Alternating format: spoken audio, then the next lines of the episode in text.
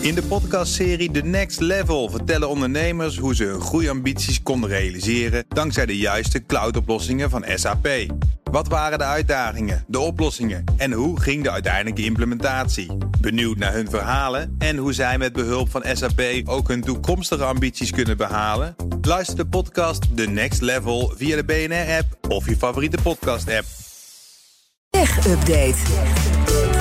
En Mats Akkerman is hier. Hey Mats. Hey, goedemiddag. Goedemiddag. Um, we beginnen met Apple, want Apple-producten zullen voortaan vaker worden gemaakt in Vietnam. Ja, uh, dat komt omdat Apple en ook de aan Apple verbonden leveranciers bezig zijn om deels weg te trekken uit China eigenlijk, om zo minder afhankelijk van China te worden.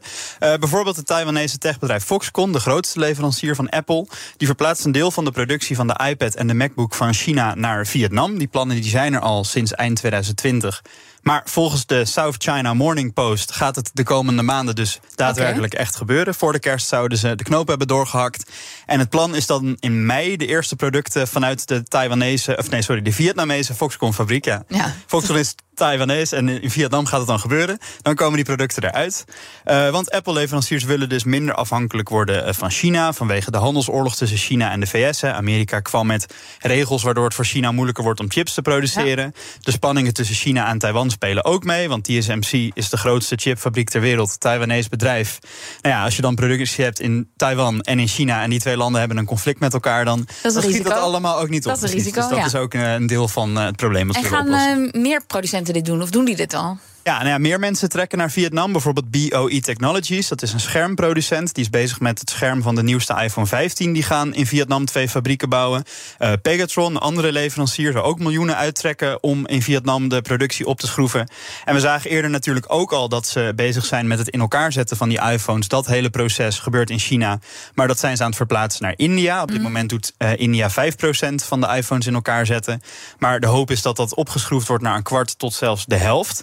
En als je dan al die dingen bij elkaar optelt, dan zou het zo moeten zijn dat in 2025, volgens analisten, een kwart van alle Apple-producten helemaal buiten China gemaakt kan worden. Dus een stuk meer dan nu. En dat heeft ook nog wel een voordeel voor Apple, want de loonkosten liggen in India en Vietnam ook nog een stuk lager dan in China.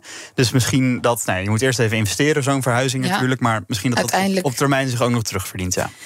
Dan, TikTok komt met een nieuw voorstel aan de Amerikaanse overheid. Ja, moeten we dat zien dan als een soort goedmakertje? Of een, uh... Ja, of een handreiking, ja. of ja, hoe je het wil noemen. Uh, ja, je weet, dat daar zit natuurlijk wel wat spanning op, op die relatie. Want TikTok heeft allemaal toegang tot data. En er zijn heel veel vragen over welke data, wie kan het inzien, wie kan het beheren.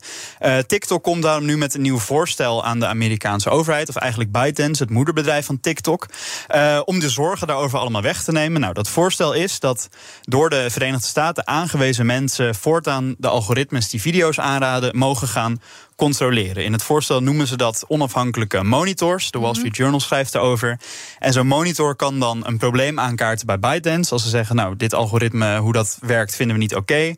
Als ze dan niet een bevredigend antwoord terugkrijgen van ByteDance... kunnen ze ook weer naar de overheid stappen.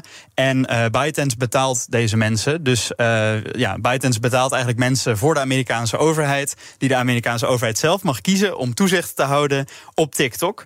En dat is niet het enige wat ze doen, want ook om de zorgen over die data weg te nemen, zou al het dataverkeer via een datacenter van het Amerikaanse bedrijf Oracle gaan lopen.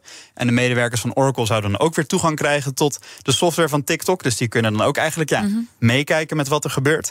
En er zou zelfs een compleet nieuw bedrijfsonderdeel worden opgericht: TikTok US Data Security. Dat zou 25 man moeten gaan worden.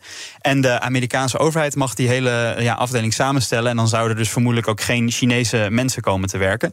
En al met al hoopt TikTok hiermee natuurlijk te voorkomen dat Amerika uh, TikTok helemaal gaat verbieden. Want bijvoorbeeld op Amerikaanse overheidstelefoons, uh, de meeste mag dat al niet meer. Omdat ze ja. zeggen, ja, China kijkt mee, dus je mag het niet meer op je telefoon hebben. En TikTok is een beetje bang dat heel TikTok in de ban wordt gedaan. En dat willen ze natuurlijk niet. Want... Maar maken ze kans? Want ja, de verdenking op spionage door de Chinese overheid, daar gaat Amerika natuurlijk geen enkel risico lopen. Nee, dat risico dat zullen ze niet willen lopen. Maar goed, als je zegt, uh, op, op drie verschillende manieren mag de overheid met het hele proces gaan meekijken. Ja, dan, en hoe dat in de praktijk gaat uitwerken, zullen we nog moeten zien. Maar goed, uh, de, de, het is nu de beurt aan Amerika om hier naar te kijken en daar een oordeel over te geven. En dan nog even dit. Nee, hè? Ja. Nee, hè? Ik hoopte dat we ja. er zo ja. niet over zouden hebben. Ja, het is vandaag Blue Monday, zogenaamd de meest deprimerende dag van het jaar. Jij kijkt heel vrolijk, Mats. Ik kijk, ja, ik ben altijd hartstikke vrolijk. Ik zeg ook zogenaamd, want het is uh, eigenlijk al een soort van aangemerkt als pseudowetenschap. Ooit bedacht door een psycholoog, maar de hele formule erachter, ik zie Carlijn instemmend knikken, dus het zal waar zijn, is al helemaal uh, ontkracht. Maar toch wordt er elk jaar heel veel aandacht aan besteed, omdat het inmiddels al zo lang een ding is dat, ja, het is een beetje je eigen leven gaan leiden, zeg maar. En dan denk jij, waarom gaan we het er dan nu toch over hebben als het niet bestaand is? Precies. Nou, dat komt omdat de tech-website tech.eu... die heeft er een artikel over geschreven. Die hebben onderzoek gedaan en daaruit blijkt dat januari tegenwoordig de maand is... waarin mensen het meest van baan wisselen. En dat zou vermoedelijk te maken hebben met die Blue Monday... omdat mensen dan bezig zijn met... goh, waar sta ik nou eigenlijk in het leven? Hoe tevreden ben ik? Oh, dus Heb ik er nog wel zin in allemaal? Ja. en dat, dat dat dan een soort van momentje is dat je even denkt... nou, laat ik eens rond gaan kijken. En nou, je weet, als je wisselt van baan... dan kun je misschien ook weer eens een hoger loon krijgen. Dus het is ook, er hangen wel wat aantrekkelijke dingen aan. Ze hebben ook echt nog wat cijfers, want in 2022 zouden er in Nederland 1,9 miljoen mensen een nieuwe baan hebben gezocht aan het begin van het jaar.